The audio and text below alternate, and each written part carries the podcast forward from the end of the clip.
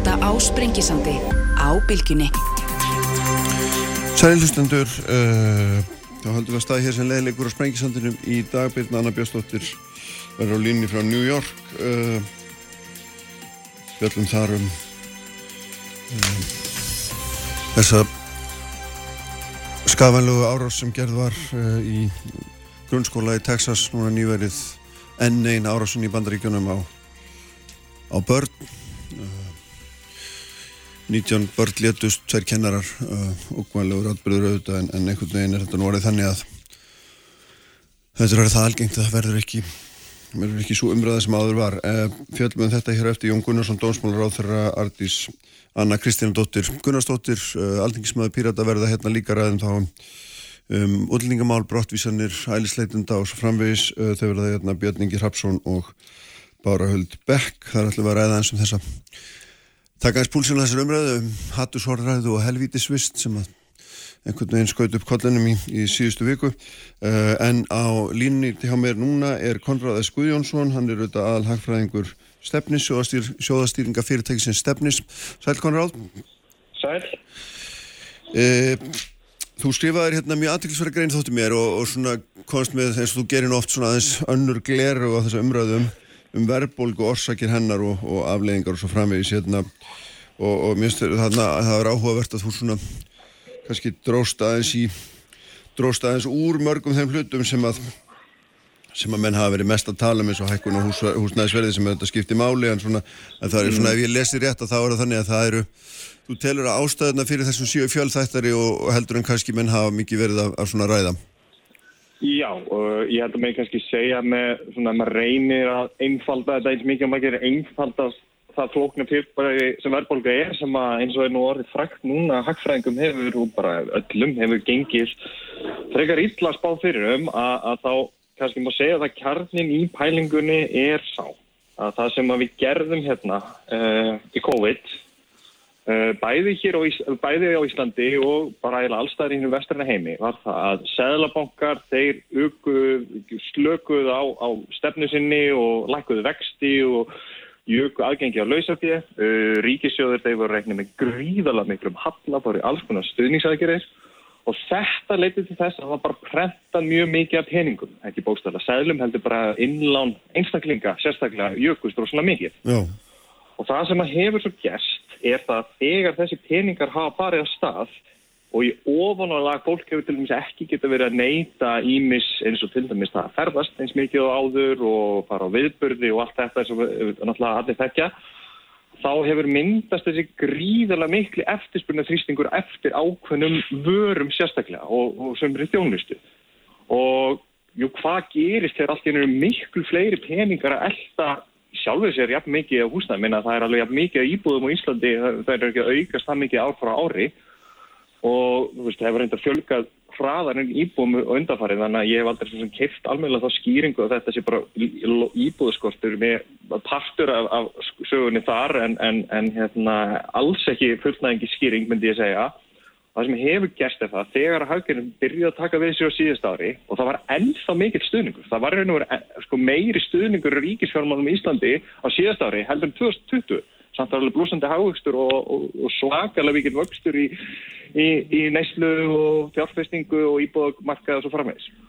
Og það sem að þarna gerist er bara einfallega vegna þess að það er bara virka, heimurinn alltaf bara virkar ekki þannig að allir bara eigur fá allir meira peningum og þá allir verður allt frábært og allir liður vel. Það virkar náttúrulega ekki alveg þannig. Það þarf að vera að skapa verðmættum sem peningun er alltaf og þau verðmandi eðlilega með þessi aðstæðir hafi ekki verið að vaksa í takti við þetta peningamagn og því virðist er að það sé svona í grunninn ástæðan fyrir því sem við erum búin að sjá og, og, veist, og, og líka annað er það sem að, sem að svona stiðmann í þessu skoðun er það að byrtingamyndin á verðbólgunni eru svona mismöndum í landa Já. en það er samt einhvern veginn allstaðar er hún að vaksa með mjög svipum takti á Íslandi, Breitlandi, Bandarækjunum, Evrusvæðinu og víða annars þar er hún að fara svona nálgast 10% eða svona einhverstað millir 5 og 10%. Já.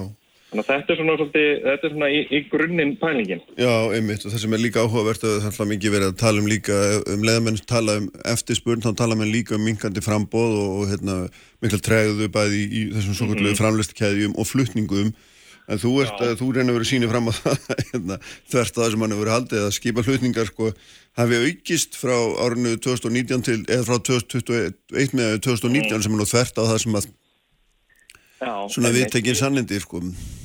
Já, sko, það er alveg rétt að það hafa verið mikil træða í flutningskjörum heimsins, sko. Það verkist enginn um vafum það.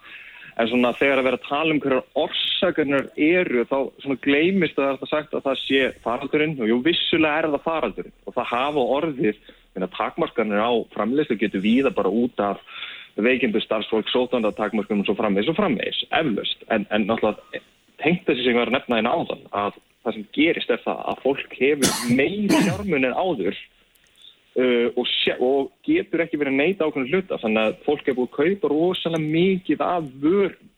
Það hefur verið alveg sko Íslandingar hafa fæst neyslu sína bara einhverjum nokkuð prósentustig hlutvarslega yfir í það að bara kaupa vörur flottafilar, byggt pallaefni bíla veist, það er eiginlega sama hvað maður kemur niður. Það er rosalega mikil aukning í þessu eftirspilnið þessu, þannig að við erum flytinn rosalega mikil og það er virkan og bara þannig að, að, að það er, ég veit að segja, það já, skipumflutningar voru 6% meiri 2021 en 2019 fyrir heiminn allan og með við það sem er gangi þá held ég að hef ekki verið hægt að búast eða myndi aukast mikið meira.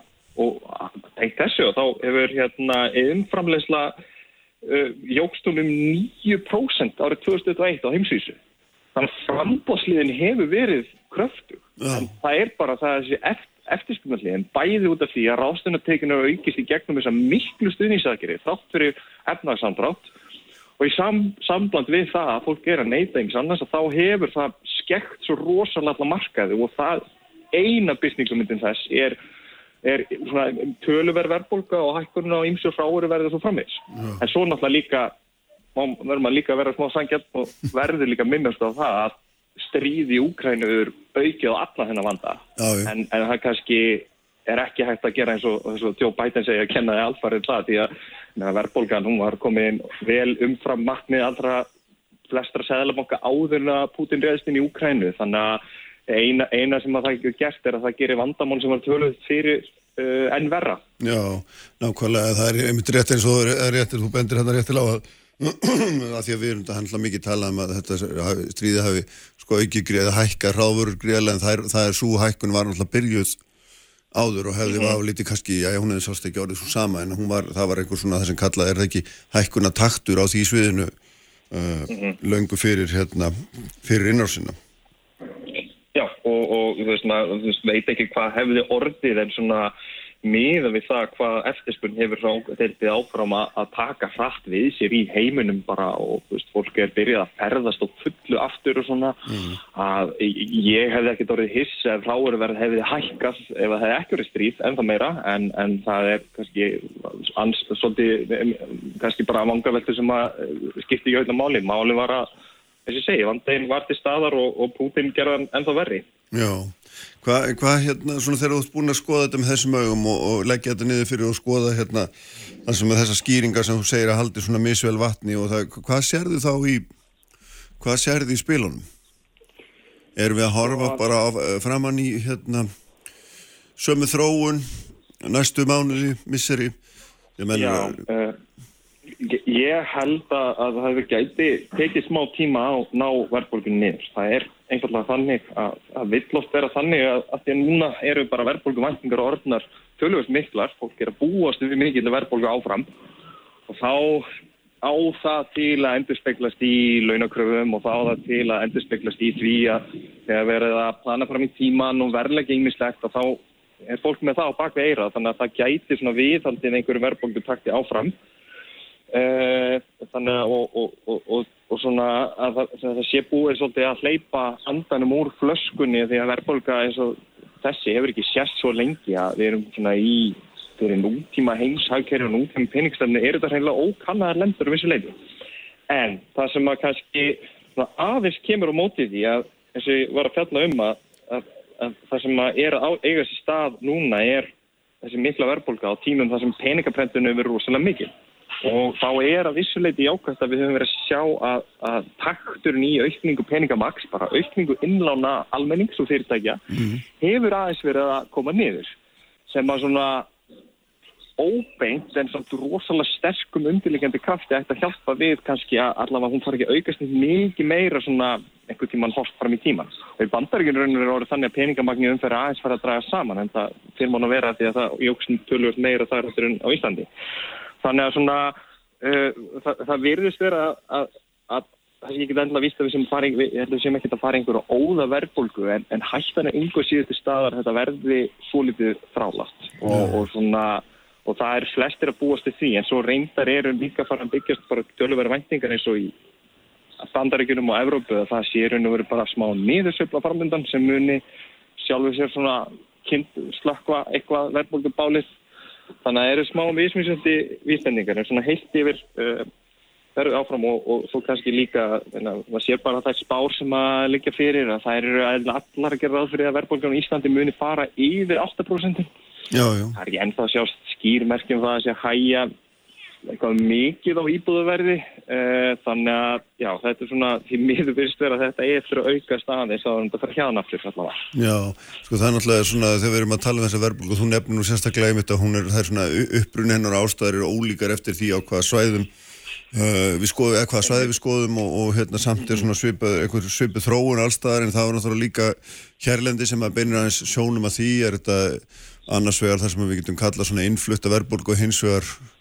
þá verðbólku sem bara skapast af þenslu eftir spurn og, og hérna og því að mennir að nýta uh, hérna svona ó, það sem er það, það framlýslu hérna þann framlýslu slaka sem er í hagkerfinu og nú ser maður alltaf að bankar eru að stórauka útlán til fyrirtækja umsvegur að stórauka ferðarþjónustan er að, er að hérna auðvitað komast á fullan kraft eh, hérna öll hótel að fyllast og framvís og framvís Menna, hvaða áhrif hefur þetta allt saman inn í þessa mynd sem þú ert að draga upp? Þetta er kannski má kannski segja þetta, þú er svona að, að fylla upp í það sem ég kannski glemt að segja er að, að, allt þetta er svona þenslan og vinnumarkaði og bara krafturinn í hafkerfunu og þú veist, þegar við erum fá ferðarfjónust aftur, er náttúrulega bara svona samkvæmt bókinni svolítið til þess fallið að stuðla að einhverju verðbólgu. Við séum kannski erfiðar að segja þegar hún er komið þetta hátt eins og neina núna fyrir að nálgast 8% að hvort það veri til að stuðla að veri kannski 5% í staðan fyrir 2,5% sem hún á eða vera ennþá meiri. Mm -hmm. En, en þetta mun, mun vera tölvert og við til dæmis bara sjá það að afturuleysi, það er einfallega ekki vandamál á Íslandi í dag. E, myndi ég segja. E, það voru komin ný mæling það sem að afturuleysi vinnumála vinnumála sem hagstofunar komið hætti undir 3% sem er bara það er eiginlega bara náttúrulegt atvinnleysi. Það er eðlilegt að sé smá atvinnleysi því að fólk hættir vinnu og það þarf að finna nýja vinnu og það er svona bara smá svona, træður alltaf á, á vinnumörkuðum millir þessi fólk á millir starfa og svo framvegs. Þannig að, að við erum bara komin í eitthvað svoleiðis náttúrulegt stig og bara maður heyri sífælt svona ímsa harsmuðalega í ferðarþjónustu verið að tala um, um, um að það veri skostur og starfsfólki og þetta er svona allir þessi kraftur mun svolítið óttast maður svona, er, er kannski ástæð fyrir maður býstu því að hún sé ekkert endilega fara að koma mjög hratt niður bara á þessu ári þetta verði eitthvað eitthvað verði með verðbólgu eitthvað fram á næsta ára minnstugusti mm.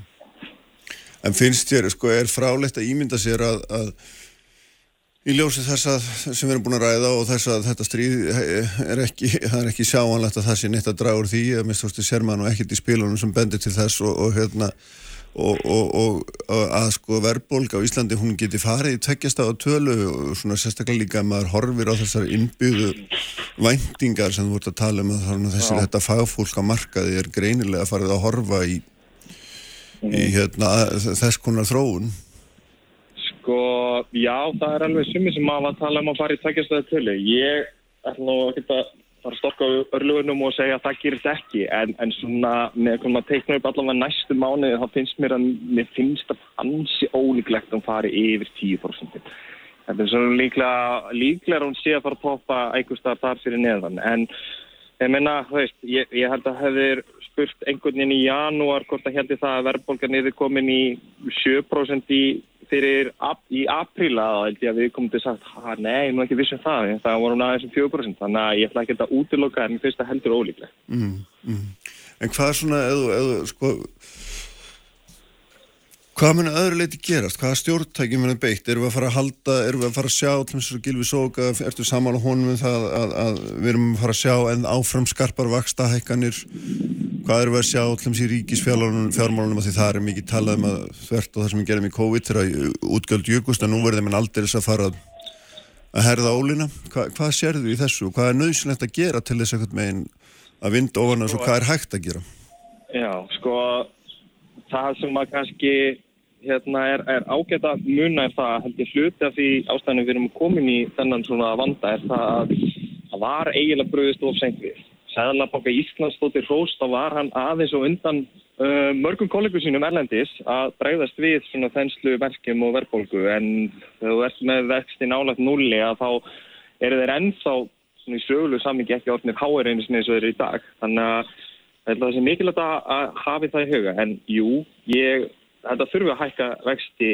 áfram. Uh, nokkuð myndarlega er erfitt að segja til um prósund og ég hugsa að peningastöðunemndin sjálfu sér ekki endilega með einhver fastmótað skoðun af því. Það þurfi aðeins bara að sjá enni eftir hvernig gögnin og horfiðnar byrstast okkur og þá þurfum við eitthvað að stíga áfram. En það er núna vakst ákurinn í júni, hækkuðum 1% því síðast og ég er ekki að hissa þó að það heyrði eitthvað svipað eða kannski eitthvað aðeins minna næst. Og svo aftur í ágúst og þá hættir mig líka búast við hækkunum og það verist vera bara í takt við svona væntingar. En, en, en segi það getur náttúrulega breyst breyst nokkur hratt. Varandi ríki þá held ég að þetta um það að, að hérna muna það að vera ekki of mikið á eftir kurvunni hvað ennþá, hvað mest við. Því að ég nefndi hérna áðan þá var stuðningur ríkisfjármála við hagkerfið það var ekki mestu 2020 þegar að kreppan var sem best þegar var kreppa heldur 2021 þegar voru mínast í 5% hagvexti það var mest í stuðningur ríkisfjármáluna.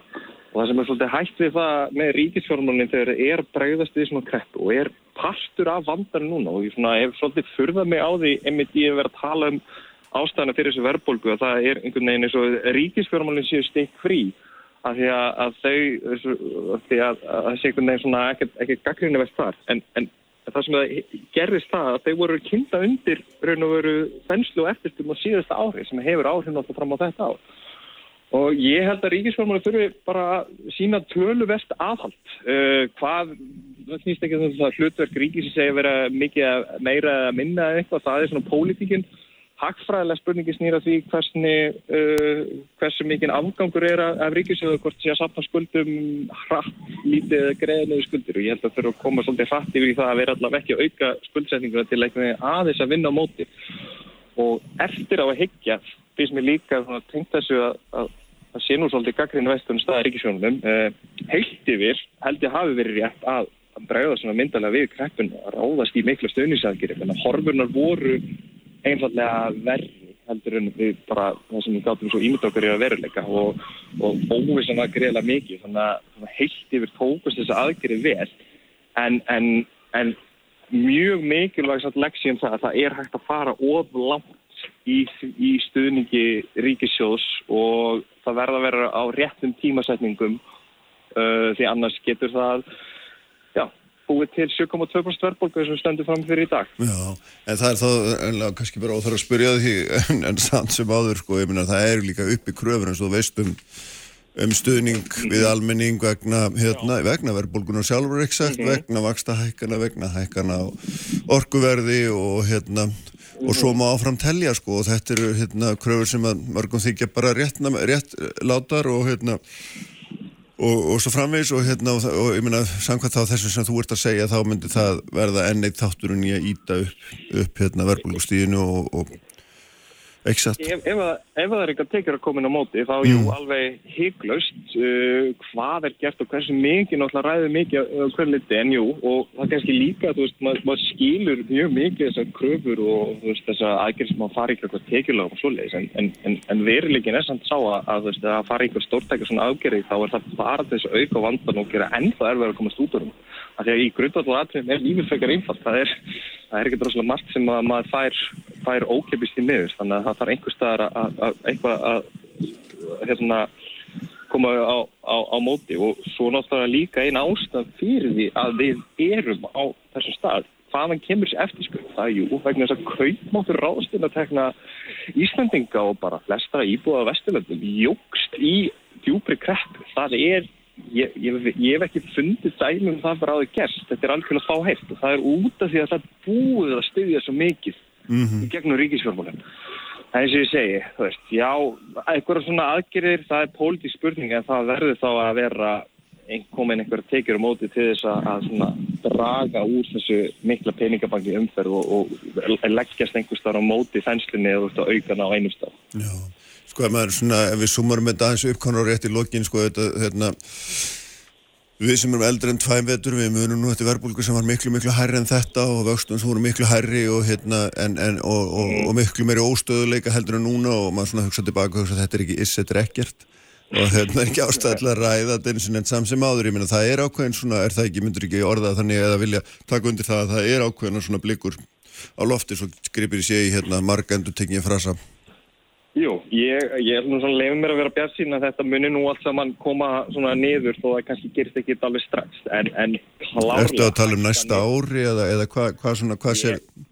Það er náttúrulega, það eðli verðbólka eins og við horfum á hana, erum við alltaf að horfa á sagfræði, við erum að spá á hana mikið horf hækka síðustu tól mánuði, þannig bara með eitthvað svona hækka undanfæri þá verðum við ekkert að sjá verðbólkutaktin koma niður einhverju ráði fyrir ná setjum hluta næsta ás. Við getum séð eins og að líta hækkanur á vísutulunni einhvern tíma þegar líður árið, mögulega.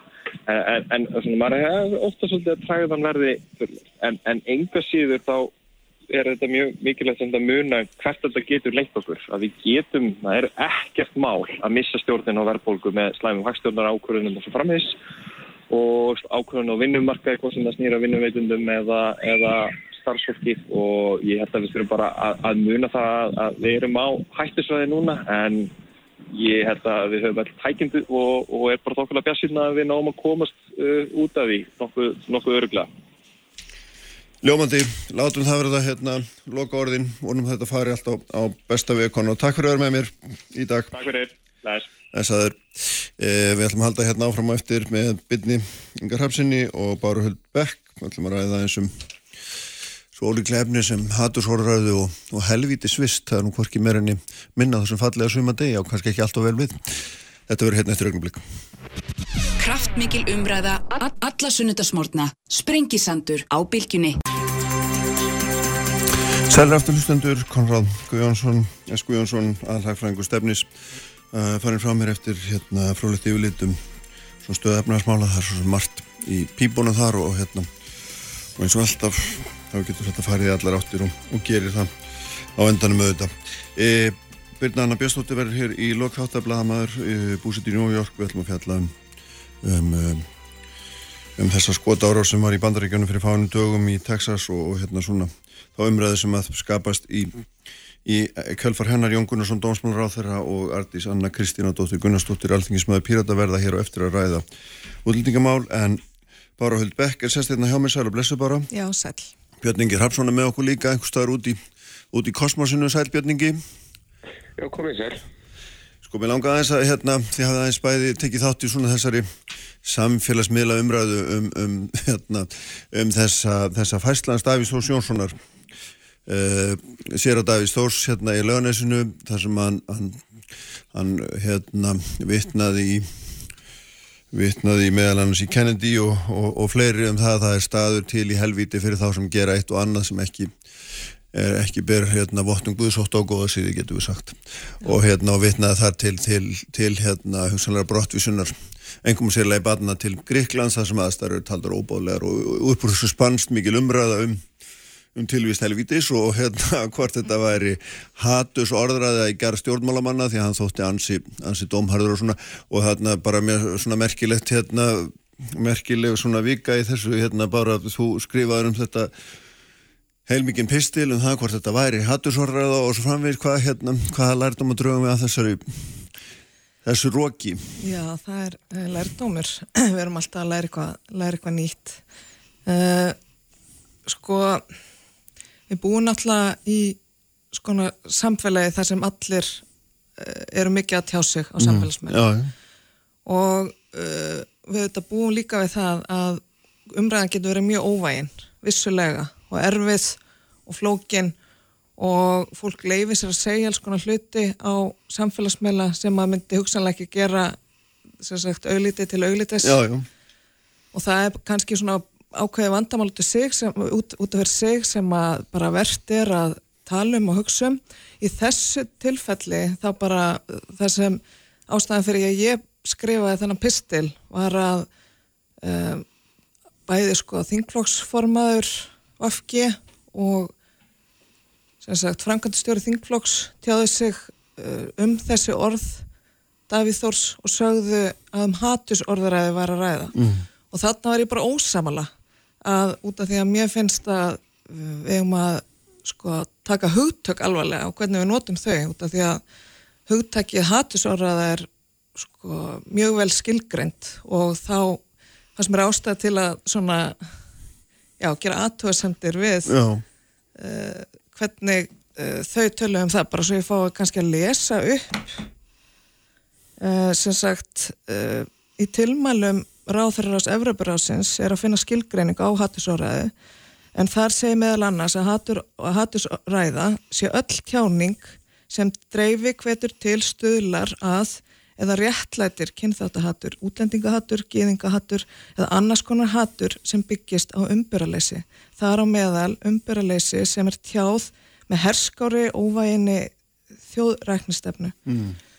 Um, þarna finnst mér bara rosalega mikill munur á því að vera dónalegur á netinu eins og kannski sumum fannst Davíð þó vera eða notaði kannski orð sem voru ekki við mörgum fannst ekki viðandi en hattusorðaði var þetta ekki. Þú getur ekki verið með hattusorðaði gagvart, sérstaklega ekki gagvart stjórnvaldi, hann var að tala um flokk sem er í mm. ríkistjórn með hana, mjög valdamikinn flokk þannig að uh, já, þetta var svona mín, mínar aðtöðasendir varandi þá, það er fólki sem verður umverulega fyrir hattusorðaði uh, ég held að þetta fær nú ekki vel í uh, nei, í þá umræði sko. nei, nei.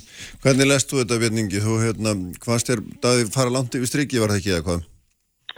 Jú, hann, hann gerði það en ég reyndar alveg sammála því sem að Bára segir varandi sko hattusorðaðuna ég held að það hefði komið einhvers konar uh, varnar viðbröðum frá, frá stjórnendum vinstri græna og, og ég, ég er sammála því að það er svona einhvern veginn erfitt að, að sjá sko forreitndahópin sem situr sko í aldastólunum uh, sem sérst á tórnulamb í þeim efnum það sem ég gaggrindi og, og það er svo, það er svo sem ekki að, að hafa endilega mörg orðum það þar sem að Davíð Þór hefur núna sagt að, að það sé rétt að hann hefði mögulega átt að tellja upp í tíu og hann skrifaði umræta fæslu og þá vil ég náttúrulega geta þessu hlustendur að það er almennt bara góð regla að erum ekki alltaf að skrifa eitthvað á, á internetið Eh, um, um viðkvæm máli eða þjóðmáli eða það sem manni finnst á þess að kannski lesa það yfir eða tellja upp á 10 og jafnvel 20 og 30 vegna þess að við erum eh, áskaplega mikið fast í einhverjum stóriðum og, og svo einhvern veginn leifir íslensk þjóðmálumræða ekki mörg mál í einu eða marga vinkla í einu. Þannig að það tekur þetta yfir og þá var hitt glimt sem var allir voru að háa séðin yfir tömundum áður eins og við þekkjum og svona einhvern veginn geta jæfnvel lítil mál uh, stækkað uh, þetta er hins vegar ekkit lítil mál flótamálamáli, þetta er stærsta málið í Európu, þetta er stærsta málið í, í pólitíkinni á Norðurlöndunum, Breitlandi Fraklandi, Ítalíu Ungarlandi, Pólandi, þetta er reysa mál það er ekki bara út af því að það er stærstu flótamannaflutningar síðan í setni heimsturöldinni uh, vegna Ógrænistriðsins heldur er gríðarlegur flóttamannaströymur eh, frá fátækari hlutum eh, heims eh, til þeirra ríkja sem að betur standa. Og þar koma til sögurnar fyrir bæri eða hugtök eins og hælisleitendur efnahagslegir flóttamenn sem eru einfallega að leita betra lífi og svo þeir sem er að sækja um vinnu og annað og þetta er allt hlutir sem að þarf að ræða og má ræða og sjálfsagt að fara yfir hvað viljum, við viljum gera sérstaklega þegar við erum að ræða augljósum skort á vinnuafli og við þurfum uh, fleira fólk. Ég reyndar er þeirra skoðanar að við þurfum bara að gera mjög mikið í því að, að hleypa fólki inn í landið sem er tilbúið að vinna og, og aðlæga samfélagi og, og, og festa hérna rætur. Það sem að David Þór gerði hins vegar í þessari fæslu sem að ég gerði aðtóðsend við var það að hann sagði að það veri til sérstakku staður í helviti fyrir þá sem að seldu sál sína fyrir mm. vegtillur og völd og þarna fannst mér eh, hann ganga mjög langt og svo eh, þegar hann hefur verið að reyna að draga þetta tilbaka þá bætur hann alltaf í svona hálfpartin með farið segja og svo framvegs og kannski út af því að hann er sóknarprestur og þeir með að sjálfsög taka þátt í umræðu eins og allir aðrir en hann er bara búin að gera svolítið mikið af þessu. Það eru nokkur ár síðan að hann var orðaðið með fósettaframbóð, þá hann mikið um þetta.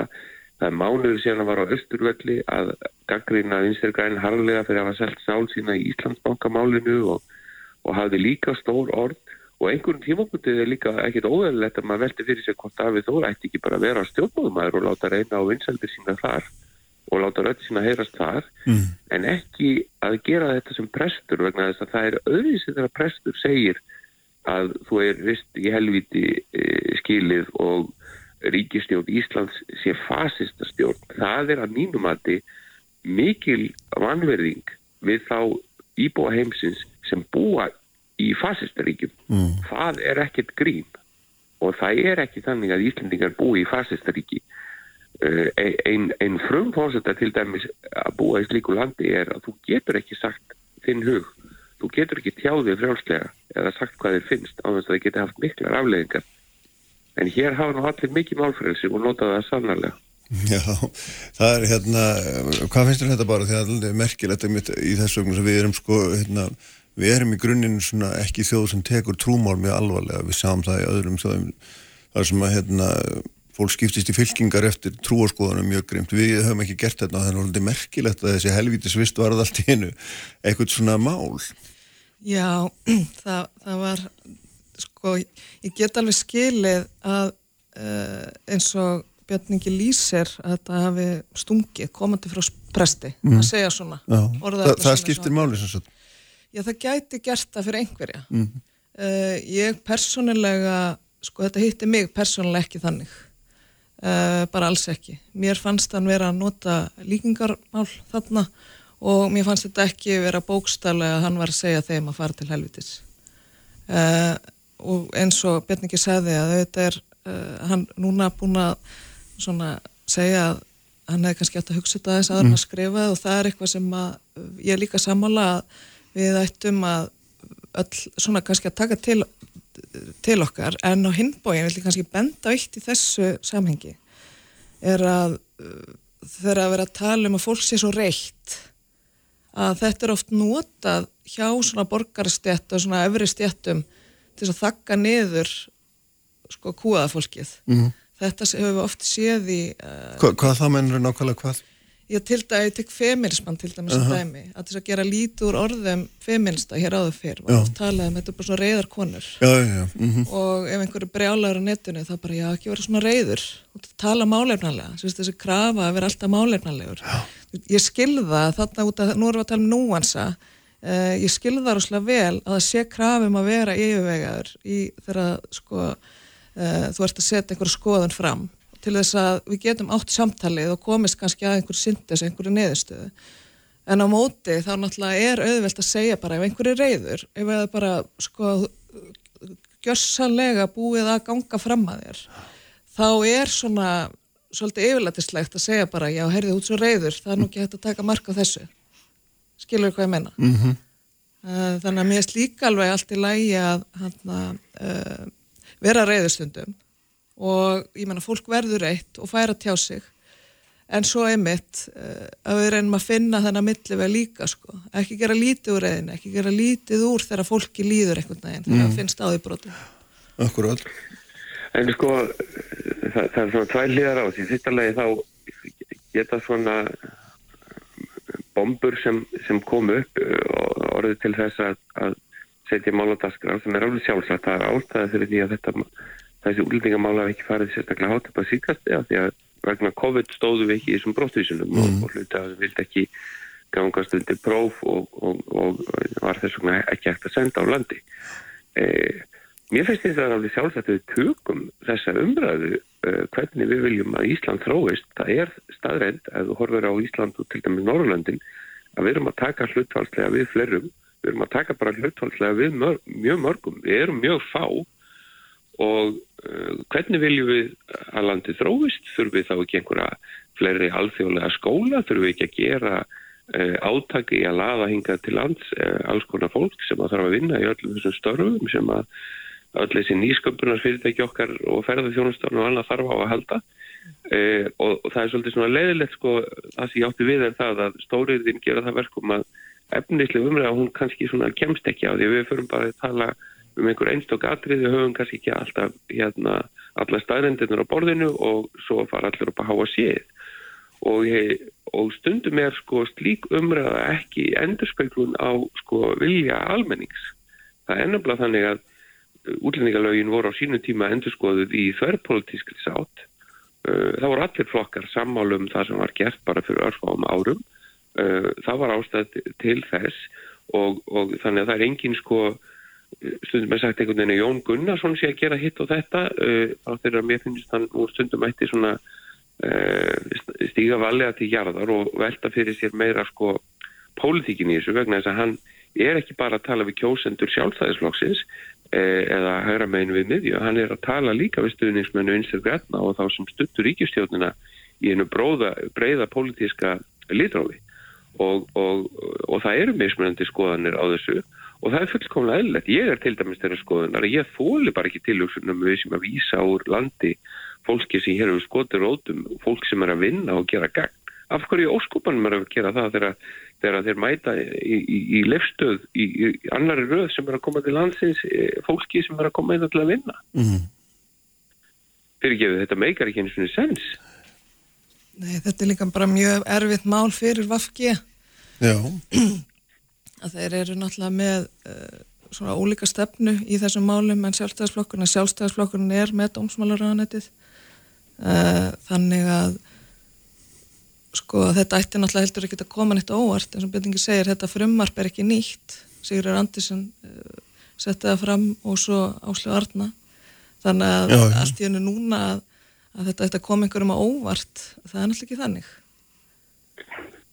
En það er áhugavert að sjá sko stjórnarandstöðuna sem er farin að byrtast innan ríkistjórnarflokkana ef ég mætti benda þess á, á það mm -hmm. sem að byrjast að tekja eh, Við sáum þetta fyrst koma í COVID. Þá sá sjálfstæðisflokkurinn um Uh, stjórnar anstöð við sóttvarnarækjirðir, einstakir þingmenn sjálfstæðarflokksins sáum við svolítið fyrir því að hitt sjónum með herðist og, og var þetta aldrei ábyrgandi og, og, en nú sáum við í Íslandsbankamálunu að Lilja Alfredsdóttir viðskiptir á það að kemur og segist að það var gert aðtóðsend varð við þessu og séð fyrir að þetta gæti klúra og svo uh, núna kemur uh, félagsmálar á það að Guðmundur Ingi Gumbratron og segist að það var gert aðtóðsendir og það er komin svona á stjórnarnanstæðina ríkistjórnarnar. Þetta er bendir til þess að, að, að bæði vinstir græn og kannski framsókn hafi talið að, að uh, sérstaða þeirra væri ekki nógu mikil í samstæðinu við sjálfstæðisflokki uh, kannski svipað og afgi upplifir í borginni þar sem að þeir hafa dreyjast út meirleita vera vegna þess að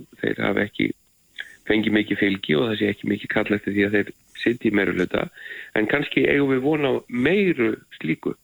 Og ég held að báður sé að segja rétt uh, Jón Gunnarsson og, og Guðmund Ringi þegar þeir segja Jón Gunnarsson segir já það voru skipta skoðunum þetta það var fjöru umræðu um þetta sitt síndist hverjum en þetta var niðurst það ríkistjóðun, mm. það er alveg rétt hjá honum og ef það er einhver ráð þeirra í ríkistjóðun sem satt fundin sem segir heyrðu þetta gerist ekki mínu nafni þá verður hann annað hvort að bóka það eða að segja að það er ekki stuðningu við þetta eða að lappa út og segja ég tek ekki átt í þessu eins og Guðmundur Jónasson gerði til dæmis fyrir nokkur árum. Uh.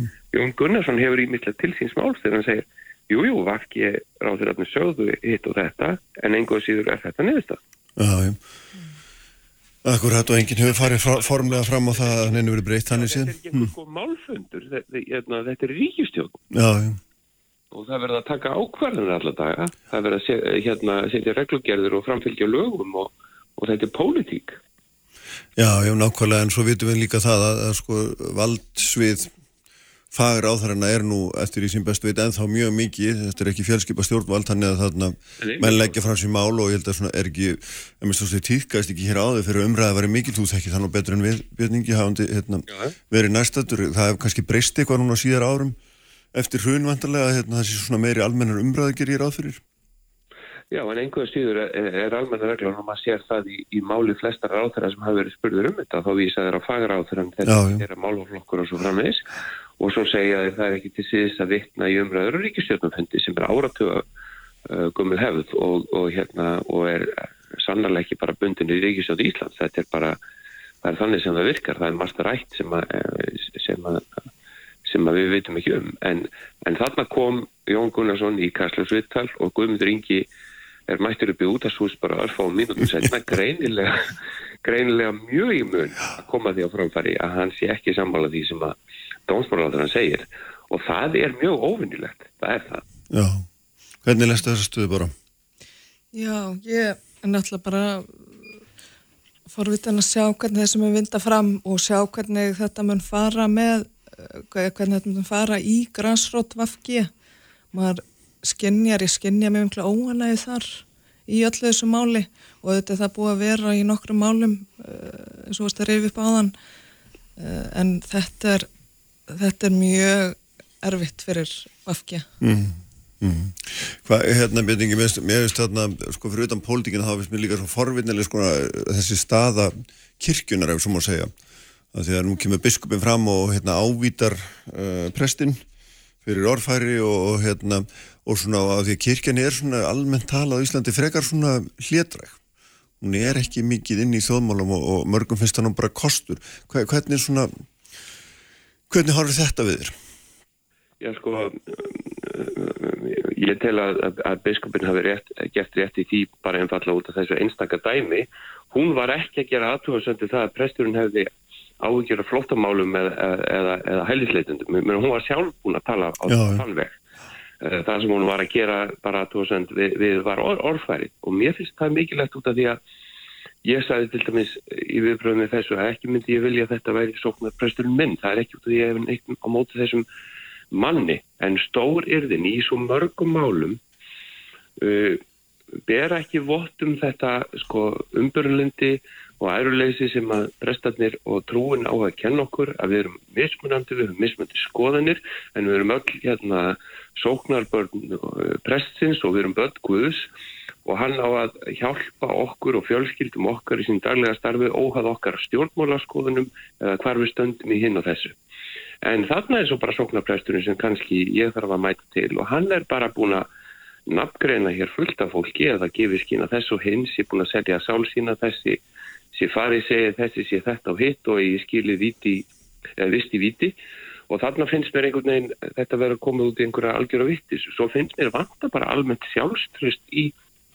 þjóðkirkjuna. Hún er orðin svo vönði að það sé einhvern veginn lamið á henni að mér finnst einstakar prestar að fara með að reyna að koma yfirlýsingar sem eru meira svona til þess að reyna að þoknast þeim sem tilhera vantrú eða siðmynd eða standa utan þjóðkirkjunar á meðan að stór hluti landsmanna sem ennþá hefur viljað sína þjóðkirkjunu hotlistur finnst e, þetta e, þessi þjóðkirkja alltaf vera fjarlægast sko fólki í landinu. Þannig að mér finnst að það þurfa að snúa þessu við. Mér finnst að kirkjan megi samanlega taka þátt í umræðinu af, af fullum krafti en, en eh, kannski gera aðeins minna því að senda fólki í, til helvitisvistar eða það er ekki að gera hlutu þáknarlega hluti. Já, sitt sinns hverja með það algjörlega og þetta uh, eins og segja, þetta er náttúrulega skoðun hann sem er þarna. Það segir nú ekkert um kannski hvernig hann starfar sem prestur. Er svona alltaf að gera aðgreiningu varðandi það að hann sagt, mm -hmm. tjáir skoðu sínan á netinu og svo hvernig hann muni sinna sín starfi sem prestur. Uh, en en Þið finnst það að skýr greina munur á þessu tönnu.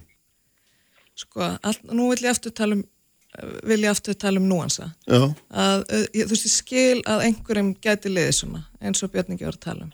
En uh, mér finnst ekki endilega að það sé að þetta krefjast þess að hann hægir sig með einhverjum hætti bara þetta að hann er prestur. Mm. er við orðan þannig. Já. en svo það hafa nú aðri prestar stíð upp og varið hann og í rauninni tjáningafrelsi hans að hann geti tjáð sig en samt synd sínu starfi. Já. Ég, ég hef engan áhuga því að takmarka tjáningafrelsi Davís Tóst, ég hef eins og bara áhuga því að nota þá mitt tjáningafrelsi til þess að segja þegar mér finnst hann að hafi gengið oflangt og að hjóla í sína fyrirvændi sambíliskonu með einstaklega ósmöklum hætti aftur og aftur, ekki bara í flóttamáli heldur líka bara fyrir fjórum vikum á Östurvelli í Íslandsbankamálinu.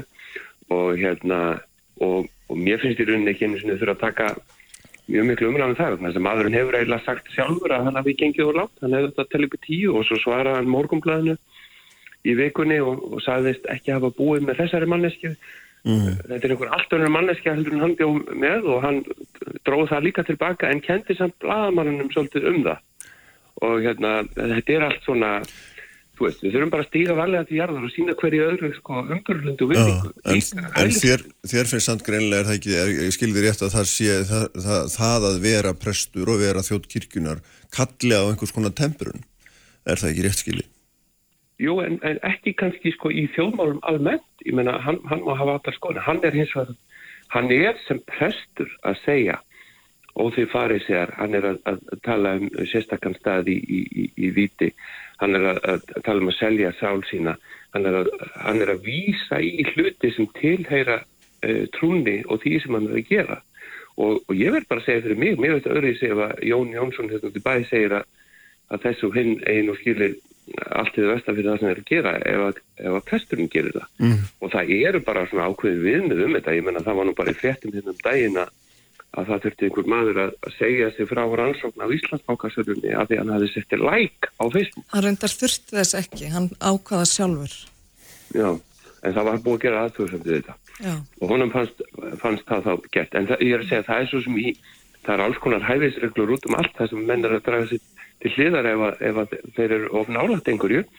Og, og, og, og mér finnst bara persónlega að Davíð Þór sé svona kannski full nálagt eh, hérna þegar, þegar hjólar aftur og aftur beinlinnís í fórsettisáð þegar hann gefur hann þessar einhvern mér finnst það ekki stórmannlegt og ég sagði að mér þetta er frekar til maks um að þarna væri á ferðinni pínlítið kall og ég er bara að hafa það skoð Herri, við skulum hérna við skulum setja Er það ekki viðand að setja amen á eftir öfninu? Já. Jú. Ekki spurning. Takk fyrir að vera með okkur björningi og takk fyrir að koma í hérna bara höld og, og þarna við haldum reyndar áfram að ræða hér úldingamál því Jón Gunnarsson, Dómsmálaráður og Arti Sanna, Kristjana Dóttir Gunnarsdóttir Alþingsmar Pírata verða hérna eftir augnablík.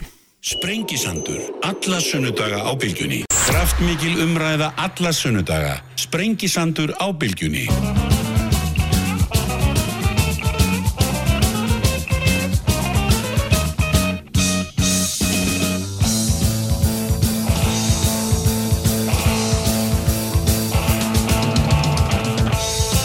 Sælir afturlustundur, uh, Björn Ingi Hrapsson, uh, Bára Huldbæk, fannum frá mér uh, Birna Anna Björnsdóttir, blamaða verður hérna uh, á eftir, þá ætlum við að mynda okkur til bandarækjana að skoða eða eða öllu þessa, þessa ömulugu skotarórs sem þar var í, í smábænu Úvaldi í, í Texas nú nýverið, þar sem að 19 börn uh, bana og, og tveir kennara þeirra líka. Uh, ræðum það, þá, þann atbyrðu og, og svona viðbröðum við honum og þessa eilíðar umræðu í bandaríkjunum um, um skotuafn eign og, og hérna pissulögjöf og hvað þetta heitir allt saman. En ég ætla að halda áfram að ræða hér málefni hælisleitinda, flótafóls, úrlendinga og svo framvegs uh, Jón Gunnarsson, dómsmálar á þeirra Artís Anna, Kristjana Dóttir, Gunnarsdóttir Aldíksmaður Píratar hérna hjá mér, sælu blessabæði tvö og velkomin. Takk, Það er hérna, ég er ótt að segja að þarna hafi hverst í þessar umræðu hún undanfarnar daga uh, og, og kannski svona nokkur, nokkur atriði sem að skipta máli í því í fyrsta lagi þessar brottvísanir fólk sem að hérna, komist í hámælu og hafa þetta leiðið niður í stórun hluta vegna heimsvaraldus undanfarin ár. Uh, síðan er það þessi útlendingalög sem að liggja fyrir þinginu enn og aftur. Þetta búið að leggja þið fram áður og hérna en þau eru komin aftur inn í þingið. Uh, síðan eru það hérna viðtöl sem að þú er veittjón og hérna hafa farið færtofan í fólk og, og Arti skrifa nú langa grein þar sem hún fóri yfir ránkværsluðinar held ég átta liðum ef ég mann það rétt. Uh, þannig að hérna og síðan er þetta svona þessi, þessi stóra spurningum það að hvert er uh, hvert er í lægi að senda fólk? Er í lægi að senda fólk til dæmis til Greiklands þar sem að alþægt er og marga skýslur um það verið skrifaðar að, að aðstæður fólks séu óbóðlegar. Þetta eru svona nokkri fletir af þessari umröðar sem hefur verið í gangi og, hérna, og síðan alltaf síðast en ekki sísta stjórnarnarstaðan bóða síðan bara sitt eigi frumvarp ekki satt sem að á eitt meina taka mistu fórst á þessu tímabundna máli þeirra sem á að vísa í burtu. En byrjum bara aðeins á því, eru, þetta eru tæmlega 200 mann sem við ætlum að senda af landibrótt núna, ekki satt. Einhverstað nála því Jú, og þarna dag Já. þetta, þetta er auðvitað bara má segja þetta sé lifandi tölur vegna þess að það er geta breyst alveg frá degi til dags breytast á þeim fórstum að fólk fær þá lengra dvalarleifi eða, eða Já, það geta verið margar ástæði fyrir því þegar að sko við erum hér með eitthvað hóp af fólki sem að uh, hefur sem sagt fengið fulla málsmeðferð á tveimur stjórnsýslu stigum og fengið sinjun á, á því að fá venda á Íslandi að þá á það fólk að fara úr landi síðan þegar farið er að eh, leita að þessu fólki að ná í það til að tilkynna því að nú séu breyta forsendur í mótökulandinu þá er jáfnvel kemur í ljós að einhverju eru farnir úr landi. Eh, aðrir hafa óskað eftir endur upptöku á sínum máli mm ég fá efnismeðferð og það geta verið marga skýringar á, á þessu og síðan er jú einhver lönd sem að uh, samkvæmt mati sem að í raun og verið alltaf verið í gangi eh, er, kemur í ljós að það er einhver lönd sem við viljum ekki senda til sko. Út sem við viljum ekki senda til. Já, er það er sérstaklega verið að vísi Gríkland náttúrulega og hérna Nei, ég er nú ekki að vísi það heldur, Nei, en- kannski bara löndis og Somalia, Ungverjaland núna, Búlgari ef ég mann rétt og uh, eitthvað eitt landi viðbót uh, sem að uh, út af ústand, ástandun í Úkrænu við sendum ekki til samráði stjórnvöldar. Mm -hmm, en það er sem sagt hérna það er, það er bara stefna stjórnvalda og nú bara sagt, gengur þetta þannig fram svo ég skilji það rétt að þetta fólk sem þarna er á þessum lista að, að, að því gefna að fórsendur hafa ekki breyst að því verður vísa á landi núna bara á eins og hættir er það, er það? Þetta er uh, bara uh, ferli sem fer í gang og þetta mun auðvitað taka tíma, það er ekki verið að fara að senda neina hópflutninga. Menn að við frávísuðum af landinu í fyrra á annað hundra manns. Ég held við séum ekki búin að frávísa á þessu árinum eitthvað um 20 rúmlega 20 manns. Þannig að já já þetta er fólk eins og ég segi sem er í þessari stöðu. Hvað segir þú um þessa stöðu? Hérna Artís þessa brottvísanir, hún hefur farið mjög í, í hérna mjög töðnar okkar, ykkur hérna sem er annara skoðanar en Jón í þessum málum. Já, ég ætla að byrja á að beðast afsökun á röttinu mér, er búin að vera svona daga, lagi. en Já, hvað, láta það ekki stoppa mig Nei. að koma og ræða þetta mikil Já. mál. Eh, Það er kannski tvent sem, sem stingur fyrst og fremst við þessar uh, brottvísanir sem eru fyrirhugaða núna. Það er annars vegar þetta sem hefur verið mikið rætt sem eru fyrirhugaðar áframhaldandi endursendingar til ríkja á borði Gríkland og Ungverjaland sem að við höfum mótmælt í áraræðir og teljum ætti fyrir lungu að vera búið að stöðva og teljum það, ekki vera í hefur samræmi ekki verið við send manneska til Gríklands er ekki frá, frá 2010 eða eitthvað Þetta er nefnilega svo áhugavert. Uh, Ísland hefur ekki beitt Dyblinureglugerinni, gagvart Greiklandi í meirinn tíu á núna. Uh, munurinn á Dyblinureglugerinni og þeim málum sem við erum að horfa á núna er að þetta er fólk sem hefur fengið veitta stöðu flótamars í Greiklandi. Dyblinureglugerin á bara við um fólk á meðan það er að býja eftir svari. Það sem að gerir þetta sérstaklega áhugavert er það að við sendum ekki umsækjandur sem eru í virk, virku umsóknarferli til Gríklands vegna þess að aðstæður þar eru taldar óbúðlegar. Þegar fólk er komið vernd þá fær það á blaði til tekin réttindi en margar ópenberar og áræðilega skýrslu sína fram á það að í raun versnar staða fólks við það að fá veitta vernd vegna þess að þá missa þau uh, réttin til ákveðin úrræða vegum hjálpastofnana, alþjóðasamtaka og gríska hersins sem er tvöli í þessum flóttamannabúðum. Og það er kannski það sem er áhugavert þegar fólk sér myndirnar úr flóttamannabúðunum að það er, það er ekki einu sinni, það er aðstæður sem fólki sem hefur verið veitt vend er búið upp á. Þau búa fyrst og fremst í svokullum sjálfsbrotnum flóttamannabúðum sem að í rauninni verða til, verða gerna til í kringum, kringum bensinstöðar, ég farið þarna og setja mig í naugum, fólk finnur tjald eða eitthvað og reynir að hengja í sólinu og annað, það hefur ekkert, það hefur formlegan aðganga vinnumarkaði, formlegan aðganga heilbristjónustu en þetta virkar ekki reynd og það er alveg búið að marg sína fram á það og það sem er líka áhugavert er það íslensk stjórnvald í sínum ákvörðunum bæði útlendingastofnun og kærunemd útlendingamála í rauninni orðaða alveg þannig í sínum ákvörðunum og úrskurðum að það liggi fyrir að það séu gerfisbundnar hindranir á aðgengi fólks að þessari þjónustu þráttur mm -hmm. að sé á blaði og það er þess vegna sem að við teljum ástæðuna fyrir því að það er ekki verið að senda til, að það er verið að senda til þessar ríkja en þá, þær eru pólitískar. Þær eru ekki lögfræðilegar, þær eru ekki vegna þess að þær eru óbúðlegar og við hefum séð það til dæmis að uh, til dæmis var hægt að senda til Ungverjalands. Kærnend uh, útlendingamála tók fyrir það árið 2017 og ítrekkaði það 2018 útlendingastofnun hætti að senda til Ungarilands svo kom allt í unni 15 manns og þá breytir útlendingastofnun framkvæmdini og gærunemdin staðfestir það. Og það, þetta kom upp gríðlega óvart, þetta reyndar var ekki fyrir eftir mjög mikið ping-pong að milli útlendingastofnun og gærunemda sem gerða verkum og fólk að búa hérna í heilanga tíma. Þannig að við sjáum það að, að baki þessari stefnu stjórnvalda er fjöldin ekki aðstæður fólks í þessum ríkjum. Og það sem er svo erfitt við þetta er að við í rauninni getum ekki fengið til dæmis endur skoðan dómstála á þessu vegna þess að annars vegar þá er aðgengi flóta fólks að dómstólum hér nánast ekkert, það fær ekki að vera á landinu meðan það býr til niðurstöð, það fær ekki ekki afsókn og eh, dómstólar það eru takmörk fyrir því að hvað marki dómstólar endur meta matskenda hluta ákvarðana. Þannig að við fáum það ekki. En fyrst við nefnum þennan tíma og þessi mál sem að koma frá Ungarilandi þetta er fólk sem er núna búið vera hérna á þriðja ár.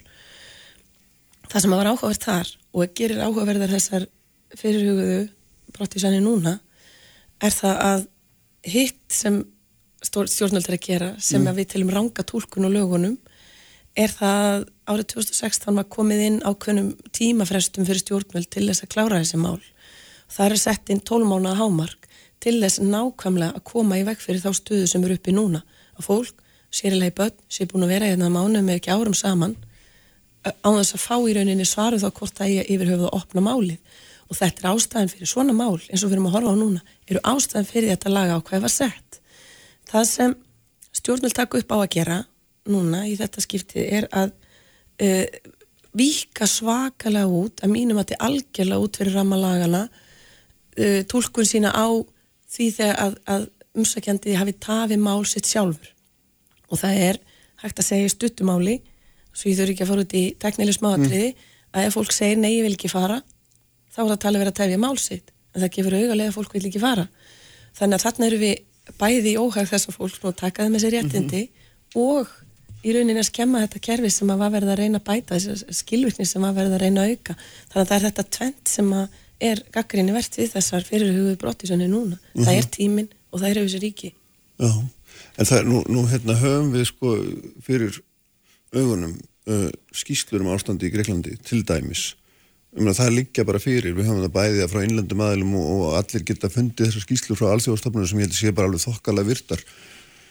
Og hérna það kemur alveg skýrt fram að sko það er hérna skortir upp á öll grundvallar réttindi fólks þó að það sé nú á pappir hérna einhvern veginn, það er mentun, það er hérna nöðsynlega skráningar, helbriðstjónusta, húsnaði, félagslega aðstofa og svo framvegis, félagslega aðstofa og svo framvegis. Ég meina, af hverju erum við ekki, hlustum við ekki bara á þetta og segjum bara nei, við ætlum ekki. Ég, það er vegna þessar stjórnvöld í þessum löndum sem við erum að, í samstarfi við í raun og veru innan singensvæðisins mm. og bara á allþjóða vettvangi um vendakerfið. Þau skilgreina Greikland ekki með þessu hætti. Þau lönd. Það geta verið skýslur frá einhverjum öðrum aðlum sem að draga upp einhverja dekkri mynd en þessi lönd gera það ekki. Og ég veit ekki... Neitt, þessi lönd í merkingunni þau sjálf eða einhver... Já þá er ég bara við það að ég, mér er ekki kunnugt um neitt Evrópuland mm. sem ekki ætlar að senda fólk til Greiklands svo dæmi séu tekin mm -hmm. ég veit að í Skandinavíu eru finnar og danir þegar byrjar að senda fólk til Greiklands og, og önnur lönd eru í undibúningi af því það er í Ískaland eitthvað verið að hugsa um það að gefa fólki svo kallar efnis meðferð þar að segja málið er að verði tekin fyrir með sambarlegum hætti og við gerum hér á Íslandi e, í mörgum tilfellum og, Ægilega rétt að þetta er smá. Já, hérna, og uh, þannig að ég ætla ekki að setjast í þetta dómarasæti það er bara er eitthvað mat sem fer fram sko. við skulum átt okkur að því að, að ég er ekkert að ég er ekkert að segja að lífskeiði fólks í Gríklandi séu jafn góð og hér á Íslandi, ég menna drótti með dýri við búum jú einhver bestu lífskeiði í heimi sko.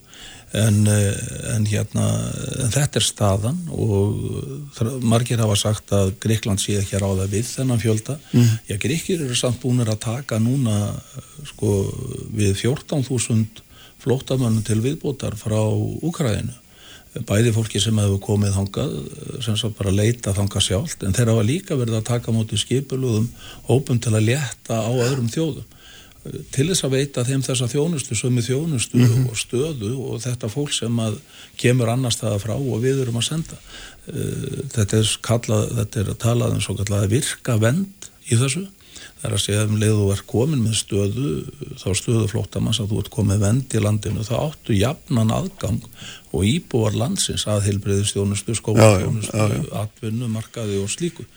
Eh, við erum með dæmum það að fólk hefur meira að vera að draga umsóknir sína tilbaka núna bara nýverið eh, og, og ákveða að fara til Greiklands.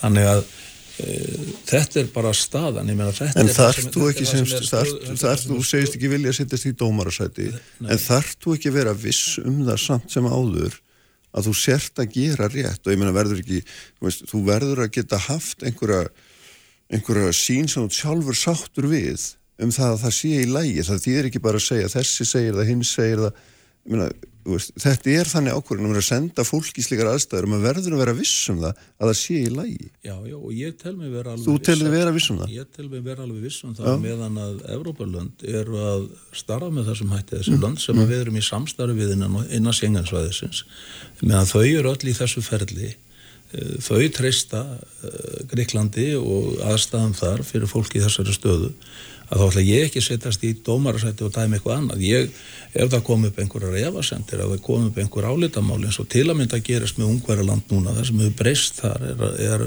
það návið við, við Ukrænu stríði, mm þá var ákveðið að senda ekki fólk til uh, ungverðarlands vegna þess. Og mér finnst það eðlilegt, en kerfið, ég ítrekka það bara, kerfið er að vinna í sínu ferli frá því að þessi lög voru sett ég meina ég held við séum búin að frávisa frá Íslandi síðan lögjum voru sett uh, hvað tóku gildi eitthvað 2017 mm. ég hef satt frá því síðla árs 2017 þá held ég að sé búið að frávisa hérna daldið þó nokkuð vel á annað þúsund manns frá landinu. Uh -huh. það er enginn sagt neitt sko. Einhverjar hafa jú verið að gera aðtúarsendur við Greiklandi gegnum tíðina, það var enga breytingar komið fram á þinginum að við breytum eitthvað málsmeðferð að gerum eitthvað.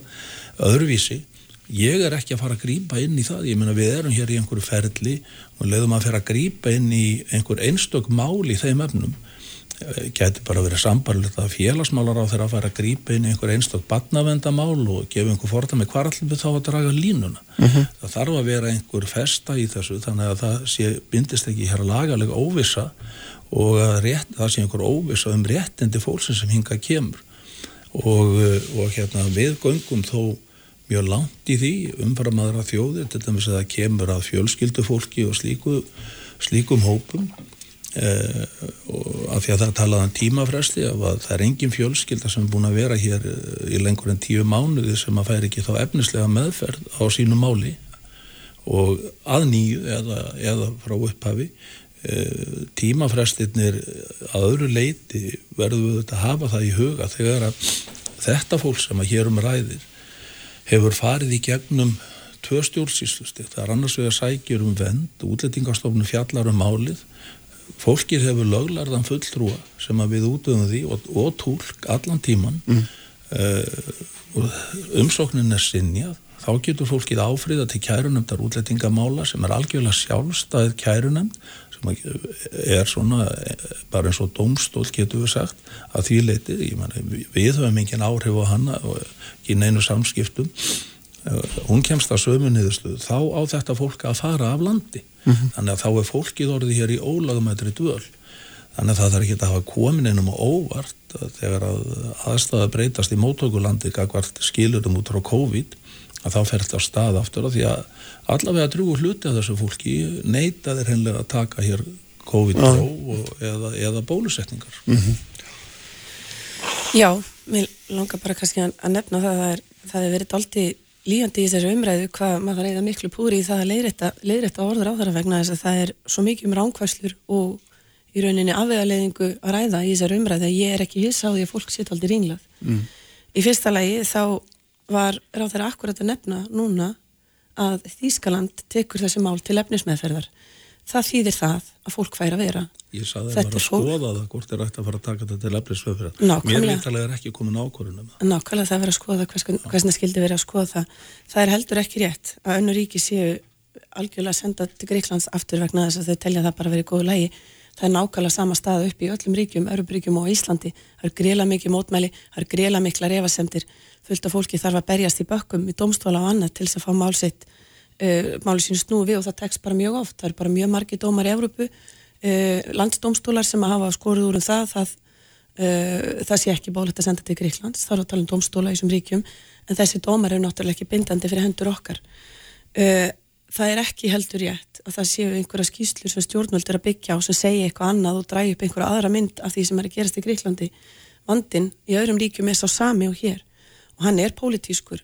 Hann snýstu það að það er ekki stríki sem er eða búið að taka skarið og hætta að senda til Gríklands með einhverju yfirlýsingu vegna sem þau telja að þá muni allir frá Gríklandi koma enga og maður heyrir þetta í, maður heyrir þetta í máli fyrrum ráðherra sem segja þegar það átt að senda börn til Gríklands og því var mótmælt hérna mm. með þeim ætti að uh, lögum að breytt þá er sagt það eru 9000 flottabönni í Gríklandi, það var svarið og þetta segir okkur það að það eru ekki aðstæðir fólks á Gríklandi sem er að ráða þessum ákvörðunum að það sé í lægi að fara á heldur það að Ísland er rætti það að það komi allt og margir. Reynslan eins og það sýnir það líkt og gerist með Ungverðarland þegar við hættum að senda þanga 2017 höfum ekki sendt á grundu til diblinreglugerina frá 2010 til Gríklands að þessi óti, hann er algjörlega á lausulofti gripin svo er það alls ekki rétt að fólk hafi jafnan aðgang að þessum réttundum og sömu hlutum og borgarar í Greiklandi. Þau gera það sannarlega á bladi en það er þannig framkvæmt að til dæmis þarf það að vera með heimilisfang til þess að eh, hafa aðgang að heimilistjónustu og þú getur ekki fengið heimilisfang að því, að því þú hefur ekki aðgang á húsnæði. Fólk getur ekki fengið vinnu uh, vin, atvinnulegi vegna þess að það er ekki með eitthvað skattkort vegna þess að til þess að fá eitthvað skattkort þá þarf það að vera með húsnæði. Þetta fólk er ekki með húsnæði, það býr tjöldum og það er ekkert sem bendir til þess að það muni ná sér upp úr þessu stöðu en það hefur þetta ástand verið í Greiklandi núna í um 12 ár. Ég heimsótti Greikland hvenar 2015-2016 og það sem sló mig mest var, býtu, var þetta að byrja að gerast núna? Þá var ástandi búið að vera svona þá erum við ekki búin að vera í fimm ára að senda til Greiklands og Greiklandi diblera reglungerinnar mm. og ég fer þannig á það sama ástand. Herin er að stýra búðum. Það sem hefur að vera 600 manns og eru 3000 það eru kannski 24 salerni og, og þrjúðir eru virk. Svona er staðan og svona er þetta búið að vera allan annan tíma. Þetta fólk sér ekki fram á að það muni neitt breytast. Þá varandi fjölskyldunar og verði að leiðrætta það sem hefur komið fram í máli í ráðara í fjölmjölum að það hef aldrei staðið til að senda neina fjölskyldu til Gríklands. Það er fullt af fjölskyldum þar á meðal hjón sem að ég var að þjónusta áður en ég kom á þing með nýfætt barn. Hún er þungu konan þegar þau koma til landsins og fæði barni á Íslandi. Þau fá ákvörðun og þau fá úrskurðum það að þau skuli sendi Gríklands.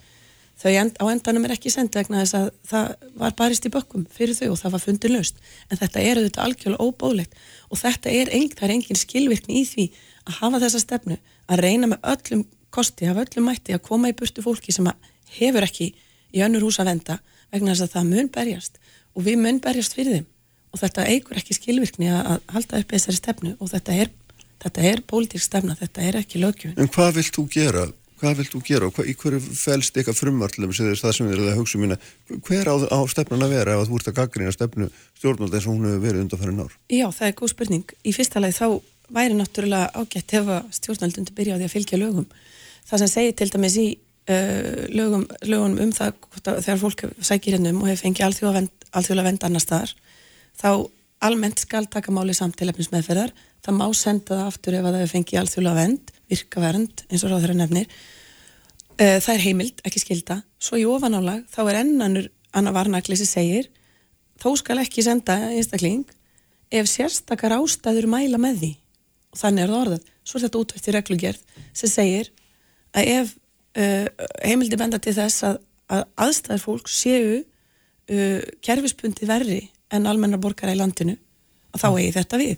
Þetta er ótrúlega glögt en domstólar þeir endur skoða ekki þetta mat og þess vegna fáveldur skúrð úr um það og þetta mat breytist einhvern veginn eftir því hversu margir er að koma og það sjáum við. Þannig ég myndi að segja það í fyrsta legi, þá væri það að fylgja lögum. Hins vegar, þegar stjórnvöld eru með þessa stefnu sem er í rauninni að, uh, hvað var að segja, takmarka eftir fremsta megni þann fjölda sem að getur fengið að setjast hér að þá þarf til þess að stöða vendursendinga til dæmis til Gríklands þá þarf bara að gefa út almenna yfirlýsingu eins og að gert með diblinarreglgerina það er bara yfirlýsing frá ráðunettinu við ætlum ekki lengur að senda til Gríklands á grundvelli diblinarreglgerðarinnar mm -hmm. og það er ekkert mál. Ég skil óta stjórnálda við það að vera eina ríkið í Európa sem gefur út þessi yfirlýsingu en það mætti sleppa því að gefa út þessi yfirlýsingu og einfallega ekki senda þetta fólk til Gríklands einfallega taka þessi mál til efnismæðferðar það er engin að fara að frétta það eitthvað staðar í einhverju fjölmjölum hins vegar, þá þetta frumvarp sem við erum uh, að leggja fram núna stjórnarnastan, það snýra þessum hópi sem á að flytja á landi núna. Og það snýra fyrst og fremst að þessari afkamati algjörlega röngu tólkun á lögunum að uh, ástæður tengdar COVID geti verið notaðar til þess að segja að fólk hafi tafið málsmeðferðina sína sjálf þó að það neyta að taka að neytar að taka eitthvað próf sem að stjórnvöld hafa enga heimild til þess að þvinga fólk til að taka þá getur það ekki talist það að þú setja tefja málið eitt sjálfur. Fyrir utan það að mörg þessara máli eru þess eðlis að málið var kannski málsmeðferðina í 11 og halvan mánuð og þú, þá á að móka við komandú landi hann neytar að taka COVID-próf þá sagt, heyrðu þú tafið málsmeðferðina sjálfur. Og þessi 12 mánur gildi ekki og við höfum hérna 15 ár til þess að flytja á landi. Það er það sem gerist í þessum málum. Þannig að þessi breyting sem við erum að leggja til núna er bráðabyrða, til bráðabyrða en það er það stjórnvalda að lesa mm. þetta hún snýst fyrst og fremstu um það að uh, COVID verði ekki notað til þess að uh, skerða réttinni þess að fólks með þeim hægt að það búið verið einnig mörg Við förum aftur á núlpunkt þeim sem að hérna, hafa verið hér á þeim tíma eða hvað Hvað segir þú? Einhvern veginn við förum á nullpunkt gagvar þessu fólki sem hefur verið hér á þeim tíma. Í rauninni, e, það að ef það er einhver ástæð tengd að COVID mm. sem valda því að fólk er búið verið þetta langa tíma, að þá skulle það ekki sendt úr landi. Það er svona kannski með mikill einföldun það sem við erum að gera. Mm -hmm. Og hér er fjallaðum það að það hefur verið baristur fjölskyldu fólki og, og hérna í erfiðum aðstæðum og þess vegna hafi fólkið ekki verið sendt úr landi sko okkar kerfi bara gerir ráð fyrir því að ef aðstæður, forsendur hafa breyst fyrir þeirri niðurstöðu sem áður hefur verið kveðin upp að þá getur fólk sótt um endur upptöku á sínu máli. mm -hmm. og það er eðlilega það sem að þetta fólk hefur gert, þetta fjölskyldum fólk og það hefur verið tekið þá tillit með nýjum úrskurði til þeirra breyttu aðstæðana og þess vegna er fólk ekki sendt úr landi, ég get að tekja annað dæmi sem hér hefur verið nefnt um konu sem er gengin áttamánuð og leið. Augljóslega hafa hennar forsendur breyst og hann fórsviði frétt í fréttablaðunum að það hefði tekist að forða því að þessi kona er og svo kom fram í að það var búið að senda læknisvortor og upplýsingar til kærunemdar útlætingamál og útlætingastofnunar og löguruglu og þá er hennar mál endur uppvikið hennar forsendur hafa breyst og þá er hann að sjálfsögðu ekki sendt úr landi. Þannig að sko það er, það er ekki einhver bara átt endilega það er bara kerfið okkar er byggt svona mm -hmm. og það er allir rétt á þessu þar sem að líka til grundvallar breyttar fórsundur frá fyrri úrskurðu og eh, menn geta sko svo deilt um aðstæður fólks í Gríklandi og í þessum löndum sko. ég ætla ekki að gera lítið úr því að þær stjú ekki eins uh, og við myndum vilja hafa það og aðstæðar sem við myndum vilja stöld ekkert okkar myndum vilja vera starti ég er fulla samúð uh, fyrir þessu sjónamiði en sko hvar ætlum við þá að draga þessi mörg sko? Það Eh, það er eins og framhefur komið hérna og kemur hér fram hjá Artísi að, að hún er sammála mér í því. Það er ekkert Evrópuland sem að hefur gefið það út að það ætla ekki að senda mm -hmm. flóta fólk það þýðir ekki að sé að senda það bara gefur ekki út yfirlýsingum um og nefnir að klára núna ja.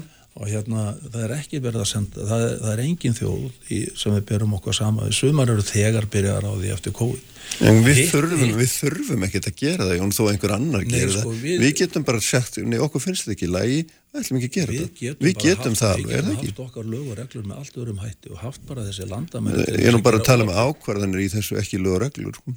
Já, við getum sko, alveg tekið það ákvarðanum og senda fólk ekki til Gríkland, það, það, það er bara alveg hægt. Það er ástæði fyrir því það stjórnaranstæðan leggur fram laga frumar til þess að breyta mm. lögun. Nei, það er bara það til þess að laga þetta tímabundi, það þarf ekki að breyta þessum lögum, það er ja, alveg skýrt. Akkur eru þið þá að leggja fram laga? Vegna þess að stjórnvöld neyta að taka, grípa inn inn í, við erum að grípa fram fyrir hendunur stjórnvöldum, sko, þetta er bráðbyrða ákvæð. Ef stjórnvöld fara að grípa inn í einstok mál, þá er bara komið lagaleg óvisa hér, hverjir eiga þá rétt og því að hverjir ekki, sko. Ef við tökum, þetta, ef við tökum þetta frumvarp fyrra mm. og segjum já, við ætlum að draga línuna bara hér við þá sem hafa verið í eitt ár en þá sem að hafa verið hérna í sko 53 vikur uh, eiga þeir þá ekki að fá? Hvað til dæmis með þá sem eru dæmdir afbrótamenn á Íslandi og hefur verið vísað úr landi með dómi ætlum við þá að láta þá sitja við sama bord veist, þetta er fjölbreyttur hópur fólks uh, þetta er stærst, stærsti hlutin af þessum hópur er einst, einstæðir eða sem sagt uh, einleipir karlmenn. Mm. og, og hérna ef við förum að fykta í þessu kerfi sem við höfum byggt upp og erum að fylgja til samræmis við þessa alþjóðasamninga sem við erum starfandi í og, og, og hérna erum við samstarfið aðra þjóðir að við ætlum að fara að breyta eitthvað reglunum hér þá er það styr, hlutast þeirra uh, stærra máli og mm -hmm. gafart öðrum þjóðum finnst þér því gesast reglunar eins og þeir eru núna að vera góðar ég er búin að leggja fram lagafröndar til að breyta þeim Já. þannig að ég tel að segja að bæta það er mjög mikið með þessu lagafröndar það er svolítið tala hér líka og vísað og það verið, finnst mér verið að ruggla svolítið saman sko, epli og appelsínum sko. eða bera saman epli og appelsínum þegar við tölum annars vegar um sko, atvinnu möguleika þessa fólks í fyrsta lagi er það nú þannig að þegar þú ert í þessu ferli að sækjum vend að þá getur þú sótt um bráðabyrð atvinnulefi Ég á eftir að hafa töldur um það hversu margir í þessum hópi hafa sótt um bráðabyrð atvinnulefi. Þe þeir eru mjög fáir ef þeir eru einhverjir.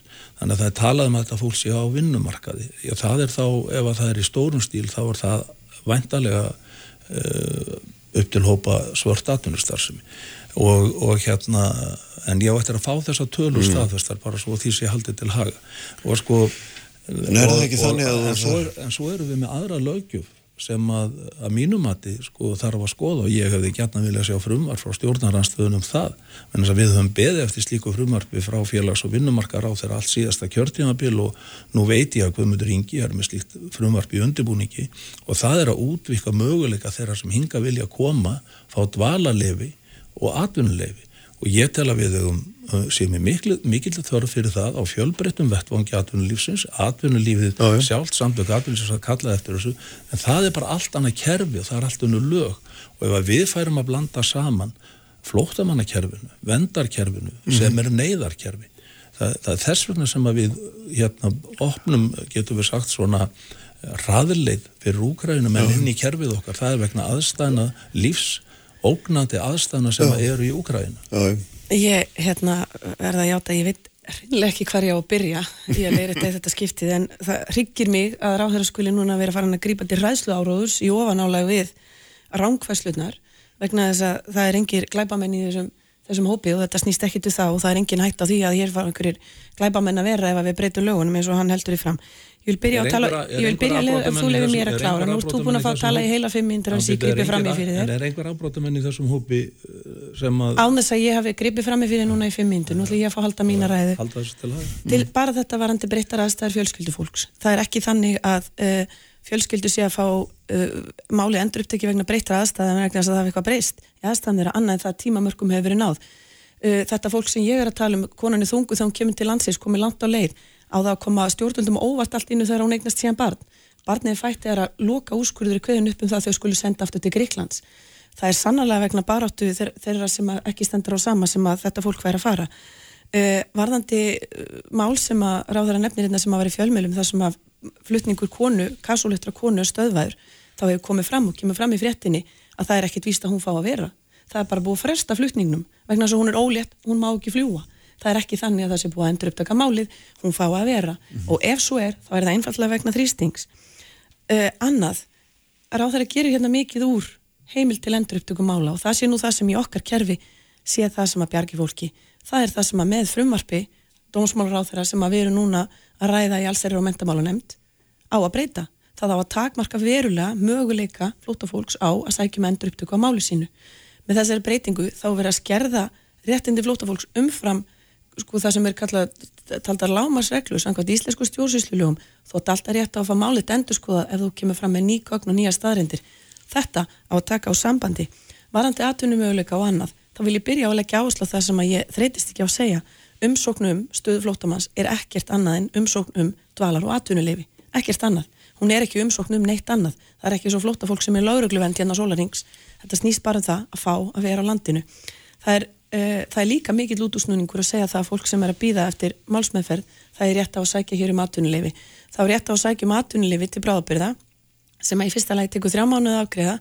Uh, það er bundið þvílikum skilurðum að fæsti flóttamenn geta uppfylta og það er engin atvinnuveitandi sem að býður í þrjá mánuði eftir því að vita hvort að þú meigir vinna vinnu sem kannski tekur eitt mánuð og svo veit hann ekki hvenar þú eru fluttur á landinu.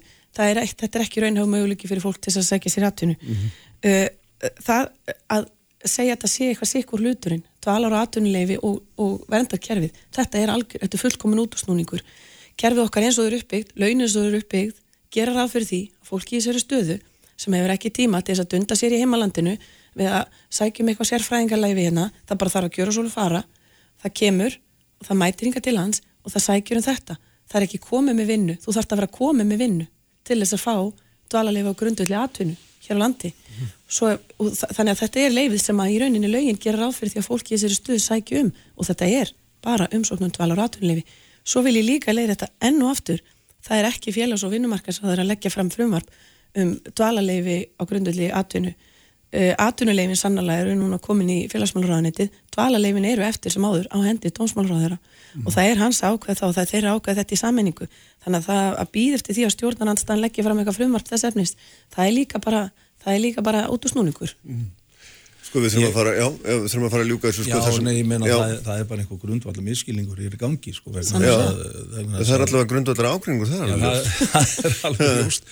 Sko, umsóknum dvalar og atvinnuleg verð bara ákveðin farvegur og það þarf við fyrir að lágkjörna skilir þar, þau eru alltaf ströng á Íslandi og ég vil, við viljum opna þann möguleika miklu meira fyrir fólk að geta sótt hér um dvalarleifi En og er, fengið atvinnuleg það er ekki fólk sem er í, það er ekki fólk sem Nei. er í þessu neyðarkerfi sem þú nefnir. en, en það er það sem Já. Martins er að segja að þetta sé eitt og þið sama kerfi sko vendakerfið er neyðarkerfi það er alveg Já. rétt sem þú segir það er fyrir fólk sem er í bráðri hættu lífshættu eða annari hættu og er þess vegna leit eftir vend í öðru landi og, og hérna Sem við allt erum að að fylgja gera. þar algjörlega alþjóða skilgreiningum þetta er ekki, þetta er ekki bara Ísland sem er með þessa reglur, við erum að fylgja bara öll því sama protokóli í þeim efnum og öll, ok- öll samstarfslönd okkar og lönd sem við berum okkar sama við er að fylgja. Og uh, það er alveg rétt í Ardísi í þessu frumvarpi sem að núna liggur fyrir þinginu. Þá erum við að reyna að einfalda þetta ferli. Þannig að sko það er aðstæður sem að eru bóðið upp á hér séu fólki alveg skýrar þegar það kemur það er að segja þú ert að koma hingað er með vend í öðru landi eða, eða kemur frá landi sem er talið örugt að þá, þá, er, þá er ekkert verið að dvelja við það að þú skjóti rótum á Íslandi heldur átt þú þá bara að fara tilbaka strax. Þannig erum við að reyna að létta á þessu kerfi til að geta sinn betur þeim En- en- sem að raunverulega þurfa að sækja hér um vend á grundvelli þess sem að það snýst um Já. og e, En fólki við sem er á verðum að, verðum að, hérna, verðum að hætta þessu, sko, en, en, því miður, hérna, sko, sko, það, það sem er í þessu er það að, að, að fólk sem er að leita að vernd er ekki hér á fúsum og frálsum vilja þeim skilningi, það hefur röklast frá heimalandi sínu, það ákver ekki heima. Já. og, og, hérna, og það er það, svo staða sem það er í sem við erum að horfa á ekki satt? Ég við verðum að horfa á hana og það er, það er, það er þessi kuldi sem fælst í þessum svörum Jón, svo ég segi þannig bara að hérna, svo bara verðum við að vísa því á burtu. Það er það sem ég held að hljóti að hérna, vera grundvallar atrið í þessar umræðu. Hvers konar samfélag viljum við byggja fyrir fólk sem að á ekkert húsaskjól, á hvergi heima og röklast hingað á norður hjara, hjara veraldar til þess að reyna að bjarga sér og sínum. Já, sko, vendarkerfi snýst ekki um það að fólk sé að leita sér að betri lífskeiðum. Það fólk sem það vill fara En frá hvað, sínu heimalandi... byrju, en hvað er að því að leita sér að betri lífsgæðjum? Já, það er bara- það er bara akkúrat. ætlar að segja, Nei, að nei, nei, ætlar að nei. það að segja við fólk til dæmis hérna, einhver stað sem að er hérna, á einhverju, einhverju svæði þar sem eru mikil átök, bara fyrirgjöðuvinnur, bara leiðilt fyrir það að fæst þarna, en þú átt bara ekki rétt á henni öðru. Já, sko, Það er, þú, það er það sem þú ert að segja. Nei, sko, ég er að segja það. Að fólk sem að býr við þar aðstóra vil leita sér betri lífskeiðum það kemur til annara landa og sækjur um dvalarleifi og atvinnuleifi því að það vil sækjast eftir betri lífskeiðum lífið er kannski ekki beint ógnað í þeim löndum sem það býr í. Þó það mynda ekki sprengjur, til að er mynda- mynda fólk sem er að koma frá líf, lífi getur náttúrulega verið á svo margan hátt eða lífskjörum, en ég meina, verðum við ekki að vikjana hvernig var þetta fyrir okkur sjálf? Ef, að- ef, að viljum við ekki koma börnunum okkar til manns, þó að við séum, þá standi ekki einhverju yfir okkur með byssu, myndum við ekki vilja fara eitthvað annað Ef þú ekki og, og búa til betri, betri lífskjör, finnst, húsaskjól. finnst þér það vera svona ómöguleg það að flytja? ofbeldi Ég er að húsaskjól? Ég er að segja það við ykkur, ég er að segja það við ykkur hér bæði. Mér finnst að það er að útvika þær reglur mjög mikið. Ef að fólk er að koma hingað til að vil búa hér og vinna hér, sama hvaðan það kemur úr heiminum, ekki bara innan Evrópu uh, sambandslanda, að þá vil ég ringa þær reglur verulega. Það Og mun ekki hjálpa fólki í þessari eftir stöðu. frumvarpum slíkt sem er á vettvangi félagsmálarándins ekki hjá mér. En Vendar, en akkur segir það ég meina ef að það er þannig, hann opnar þetta kerfi, þannig að þú getur bara komið hingað, sótt um dvalar og atvinnuleif og það er bara allt opið, en þá leysist þessi vandi að sjálfkrafa. Nú veit ég ekki hvaða breytingar eru sem eru bíkjar en það er algjörlega útilokað að það er að setja eitthvað frumvar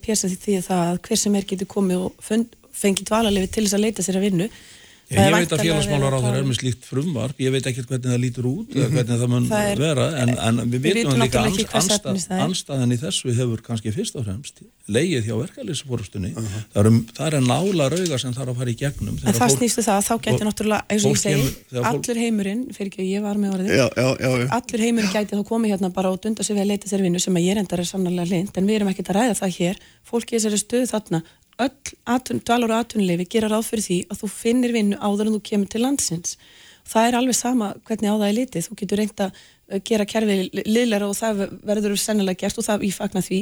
Fólki í þessari stöðu sem að verður bara að gjöra svolítið að fara, það er ekki minnið prentar aðeins þar, það sittur bara eitthvað stær í fóra á svaðinu í Greiklandi, það þarf bara að gjöra svo vel, koma sér einhvern veginn eitthvert og finna sér út úr því. og þetta þetta mikilvægt- kerfi er það sem að þau eiga að vera að sæki, þau eru að fara nákvæmlega rétt að leið. Það er mikilvægt að, að því að það hefur nú komið fram hér sko, við séum að senda fólk á einhverja ruslahauga í einhverjum flóttamannabúðum í Greiklandi það Ég er er ekki jú, og það er,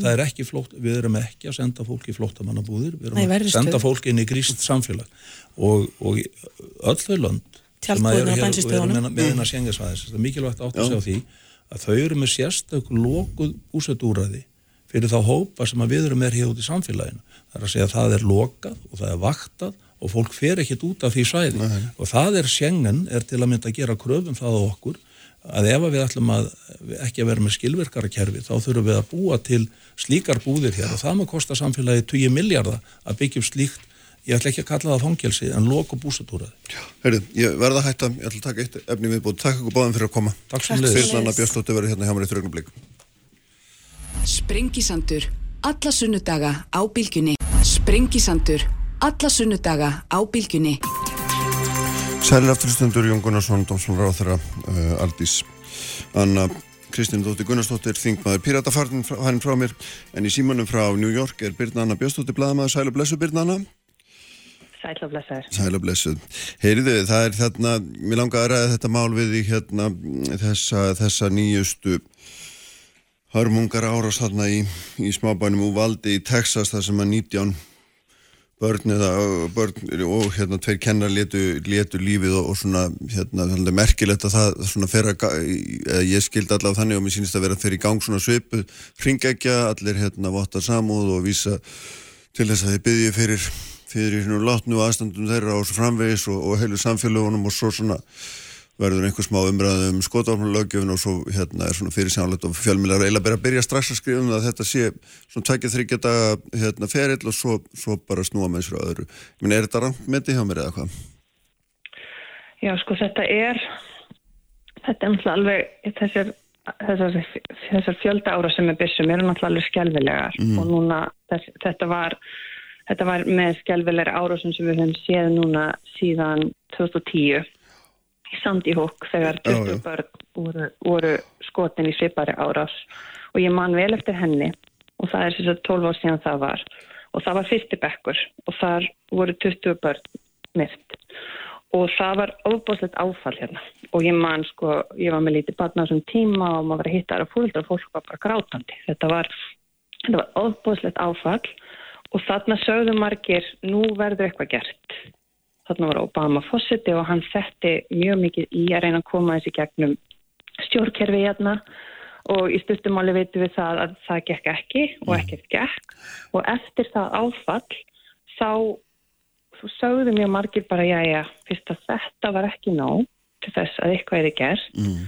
þá er ekkert þetta, það, þetta getur ekki árið hræðilegra. Nei. og þetta var samt ekki nóg til þess að þessu var breytt. Og núna þegar kemur önnur svona árás sem er svona stór í skóla 19, 10 ára börn um, þá eru viðbræðin og ég, nú er ég 10 ára barn og ég er að fara með það í skólan og þetta er sami bekkur og barni mitt er í og fóröldarnir við horfum bara okkur stannað og, og nú er svona viðbröðin meira sko svona meira kannski ekki beint uppgjöf og vonleysi en samt smá svo leis Já, við munum eftir þessu og við, mun, við höfum séð margar fjölda árásir og þær eru þær, þær hafa verið mjög margar síðan það sem ekkert er gert. Og en, en ég finn samt og maður heyrði það í umræðinni að það er svolítið verið að fólk er svolítið að tala um þetta. Bara við meðum ekki verið í þessari uppgjöf. Þetta má ekki vera þannig að það er bara búið að ákveða það að þeir republikanar vil ekki og, og þeir eru með stjórnkerfi í lás að þá verði bara ekkert gert. Þannig að það er smá svona upp úr þessari upp, fyrstu svona, svona uppgjafar eitthvað neginn tilfinningu er að koma aðeins meiri svona, ok, við það er samt, það hlýtur, við, það, fólki sem að vill að þessu verði breytt með meira hluti þjóðarinnar, mm. það má ekki gefast upp.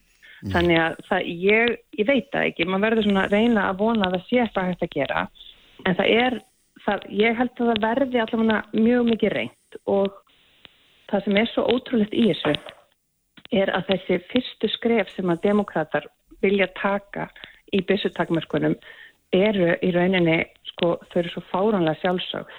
Og það eru kannanir sína að risastór meira hluti bandarækjumanna vil þess að takmarkanir. Það er einhvers konar, er það ekki einhvers svona bakgrunns hérna, rannsókn á þeim sem er að, er að kaupa, er það ekki? Er það ekki það sem er svona fyrsta skrefið?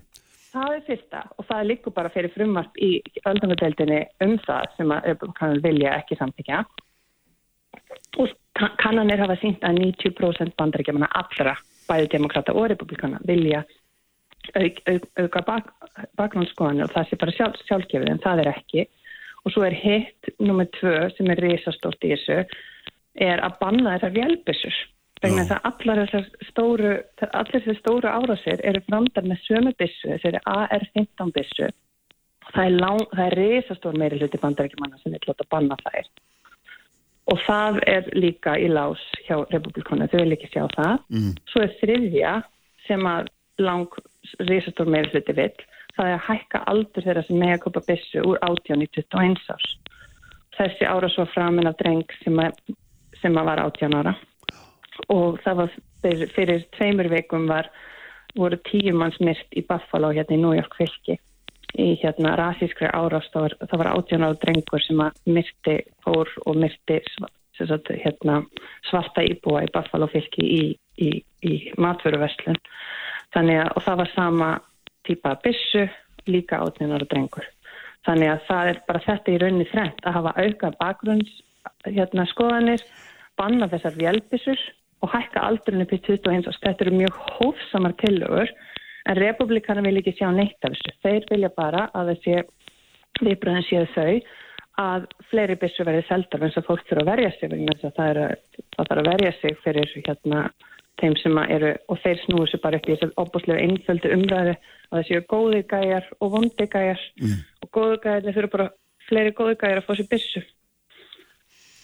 Er, sko, það er svona en sko það sem er náttúrulega ekkur aðtegli svona hérna, auðvitað, er, er þessi sko er þessi umræða líka um þessi, þessi hagsmunasamtök hérna, bissu eiganda, maður getur kallað það National Rifle Association og þetta, þetta, þessi gríðalög áhrif sem þau virast hafa það er, er mjög margi sem halda því fram að þau stjórnir salvið og maður er kannski að það er eftir með að skilja nákvæmlega hvernig en hvað hva, hva, hvers hefur þú einhverja svona einhverja hugmyndu um það hvers vegna þau hérna, ná að að stýra þessu ef það er reyndin Það er alveg ótrúlegt hvernig þau ná að stýra þessu. Og það er bara þetta er einn skipulegasta hagsmunasamtökinn í bandaríkanum eh, sko ef ekki þau allra skipulöðustu þetta ennera eina sem að kemst nálætti eru þeir sem að eru að móti þungunarofi og það eru líka hagsmunni samtök sem vinna mjög skipulega.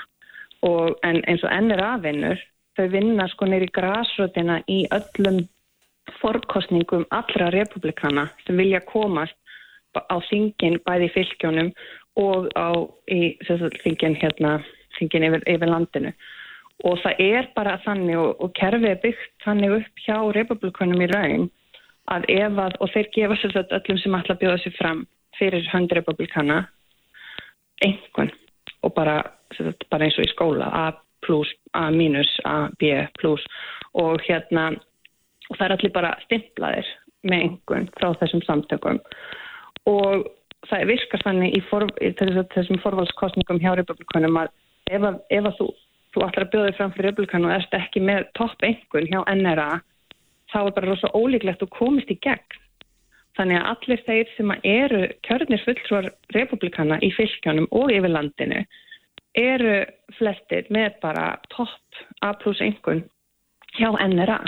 Þannig að sama kannski í rauninni hvað þessu fólki það, það, það þegar fólk fyrir stjórn og þá þarf að byrja svona að taka sína afstöður og þó að fólk hafi kannski ekkert ykkur að harðarskoðun í byssumálum þá endar það á því að bara taka sér hana pragmatíst ef við ætla að ná fram að innan republikanaflokksins.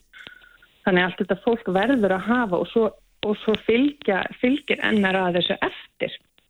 Þannig ef einhver fer er orðin kjörum fulltrúi og fer að verða eitthvað svona linari í byssumálum þá er bara farið að stað og reynt að hérna þá, þá reyna að koma með einhvern annan á móti með næsta forvali og allt slíkt þannig að þau, þau halda þessum öllum þessum republikansku stjórnmálumennum á tánum þessi samtök og þau eru opuslega öllu og skiplöð og þannig fær þessi, fá þessi viðhorf þessi byssu viðhorf sem mjög mikið minnilegt í bandaríkjamanna aðheilir mm -hmm. fá þetta yfirgengilega vægi innan stjórnkerfisins mm -hmm. og svo leggst náttúrulega ofan á það hversu stjórnkerfi hallar republikunum í hag út af því hvernig það er byggt upp að það er rauninni minni hluti sem það er svona rauninni minni hluti ræði hérna í bandaríkjónum vegna þess að, að hlutfalslega eru republikanum með miklu meira vald heldur en fjöldi aðkvæði sem þeir fá segja til um bara við veitum hvernig stjórnkerfi hérna er byggt upp. Já, en það sem náttúrulega merkilegt líka að því hún nefnir þetta er auðvitað síðan að sko þrátt fyrir, þrátt fyrir allar þessar kannanir sem hún nefnir